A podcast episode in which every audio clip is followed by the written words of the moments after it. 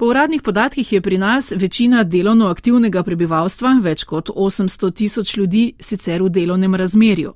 Okoli 116 tisoč oseb je samozaposlenih, več kot 40 tisoč jih dela prek študentskega servisa, kakih 11 tisoč pa je v drugih oblikah dela, kot so denimo podjemne pogodbe.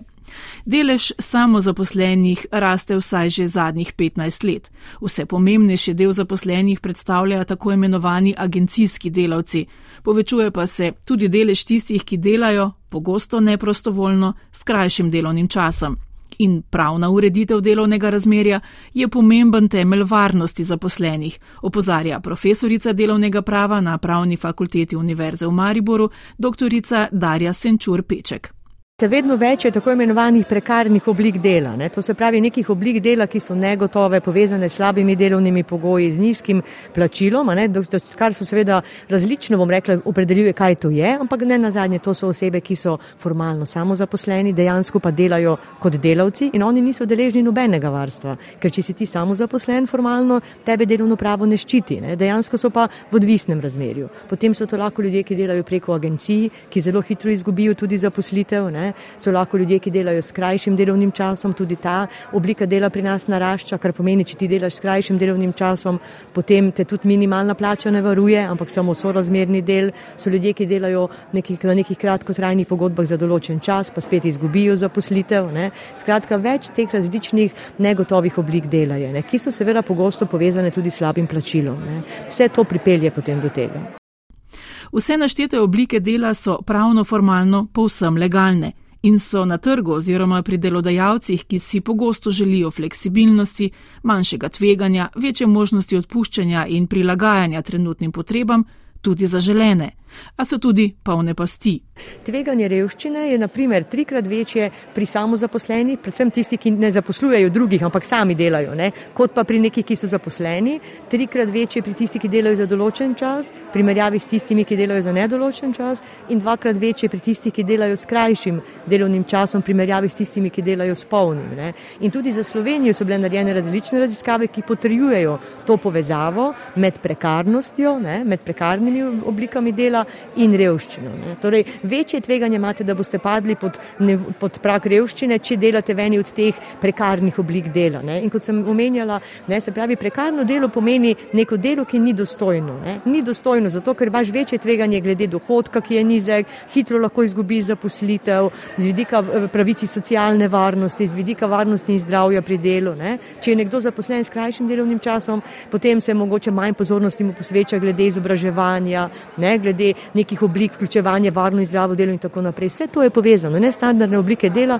so značilne potem ne? in zato tudi tveganje prekarnosti večje. Seveda niso vse nadstandardne oblike zaposlitve tudi prekarne in niso vse prekarne zaposlitve le nadstandardne. Prekarnost je mogoče najti tudi med tistimi delavci, ki delajo v standardni zaposlitvi. In med samozaposlenimi so seveda tudi takšni, ki jim dejavnost omogoča stabilen in dostojen zaslužek. Se pa prekarnost pogosteje pojavlja pri nestandardnih zaposlitvah, zato so te, kot rečeno, povsem legalne oblike delovnih razmeri najbolj trdno povezane s tveganjem revščine, kar dokazujejo tuje in domače študije. Nekdo, ki je čisto izven delovnega prava, ki dela recimo kot študent, ki dela na podlagi podjemne pogodbe, ki dela kot SP, v resnici pa dela vsak dan podrejeno, kot da bi bil delavec. Ta ni popolnoma nič varovan, ne? ker je on SP in on izstavlja račune. Ne? Mi pa vemo, da to je problem. Ne? Potem problem so krajši delovni čas, ki narašča. Pri nas smo sicer zelo pod evropskim poprečjem, še vedno s krajšim delovnim časom, ampak raste. In tudi tu vidimo, da so ti primeri, ko Delavci imajo pogodbo za poslitvi s krajšim delovnim časom, v resnici pa delajo polni delovni čas. Ne? Ampak samo pravice, glede na pogodbo in prispevki, so plačani na podlagi krajšega delovnega časa. Ne? Prikrita delovna razmerja so zelo velik problem. Ne? Na tveganja, ki jih prinaša prekarno delo z ekonomskega, socialnega, zdravstvenega in delovnopravnega vidika, je pred tremi leti opozoril multidisciplinarni projekt večjih fakultet poimenovan MAPA. Sodelujoči avtori so prikazali negativne plati takih negotovih zaposlitvenih razmeri, kot naprimer to, da delodajalec praviloma ni zainteresiran za vlaganje v take delavce, v dolgoročno načrtovanje njihove karijere, v njihovo izobraževanje in usposabljanje in s tem ohranjanje njihove zaposljivosti, kar po drugi strani lahko vpliva na pripadnost teh delavcev v podjetju, s tem pa tudi na njihovo zauzetost in zmožnost za dolgoročno produktivno in inovativno delo. Zaradi svojega ranljivejšega in negotovega zaposlitvenega položaja se ti delavci tudi teže odločijo za uveljavljanje svojih pravic, so praviloma manj sindikalno organizirani in pogosteje prihajajo iz zapostavljenih ranljivejših skupin. Tako med prekarnimi delavci najdemo veliko žensk, delavcev migrantov, mladih in podobno. In prav zato so še toliko bolj izpostavljeni diskriminatornim praksam delodajalcev večjemu izkoriščanju in manj kakovostnim delovnim in življenskim pogojem, so zapisali v študiji. Posledice lahko močno vplivajo tudi širše. Taki delavci teže pridajo do kreditov stanovanja, teže se osamosvojijo in ustvarijo družino, njihovi otroci imajo pogosteje težave v duševnem zdravju in pri odraščanju. Pri analiziranju delovnopravnega vidika problema takih zaposlitev in pri predlaganih rešitvah je sodelovala tudi naša sogovornica, dr.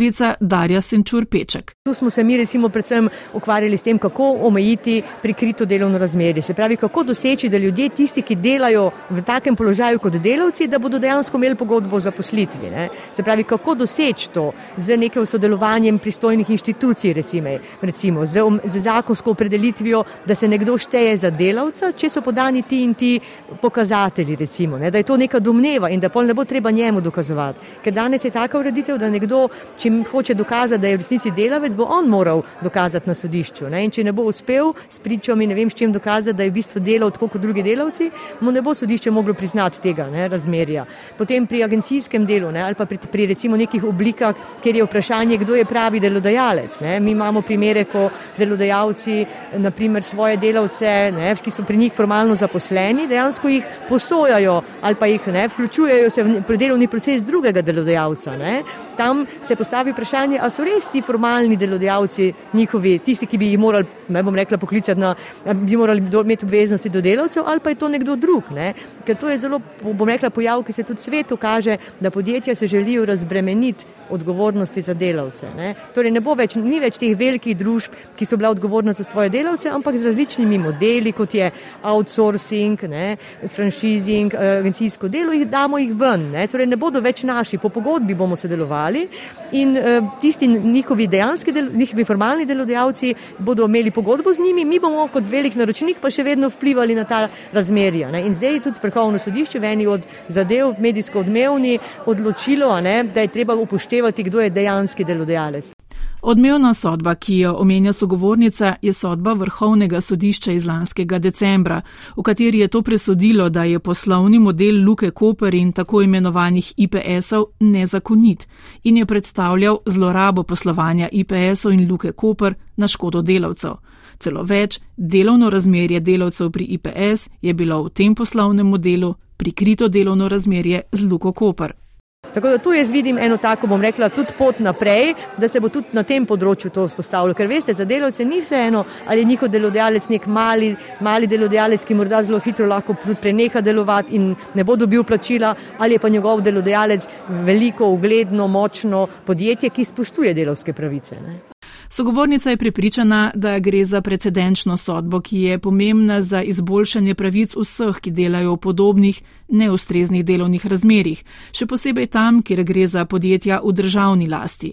Ob tem pa ošvrkne tudi javni sektor, ki obljubam na okljub in pozivanju drugih k družbeni odgovornosti samo še vedno zaposluje ljudi tudi v najbolj prekarnih oblikah delovnih razmeri. Država bi morala biti tista, ki bi dala zgled. Ne? Država, kateri, pri kateri se je že slišalo o tem, da ne bodo več v outsourcingu dali čistilk nekim servisom, ki bodo njihovi delodajalci, ampak bodo, bo država njihov delodajalec. Ne? Podobno tudi v družbi z večinsko lasništvom države, mislim, da bi država morala dati zgled.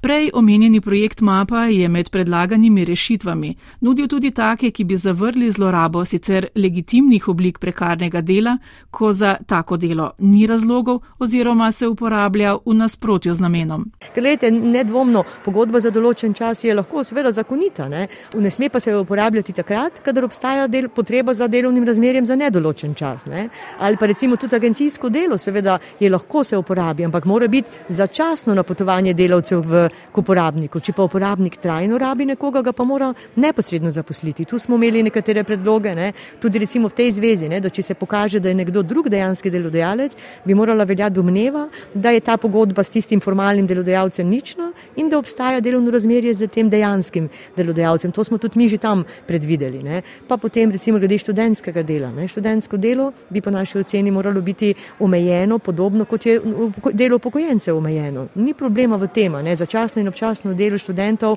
kot dopolnitev ne, neki, neki prihodki, ki jih dobijo študenti, je seveda ustrezno, ampak ni pa prav, da je to neomejeno, ne, da je to potem nekaj, kar je paralelni trg dela delovnim razmerjem. Ne. Smo tudi tu predlagali neko omejitev. Ne. In prav to je največji problem in hkrati tudi polje, na katerem bo poleg ustreznega nadzora treba najprej ukrepati, meni doktorica Darja Senčur Peček.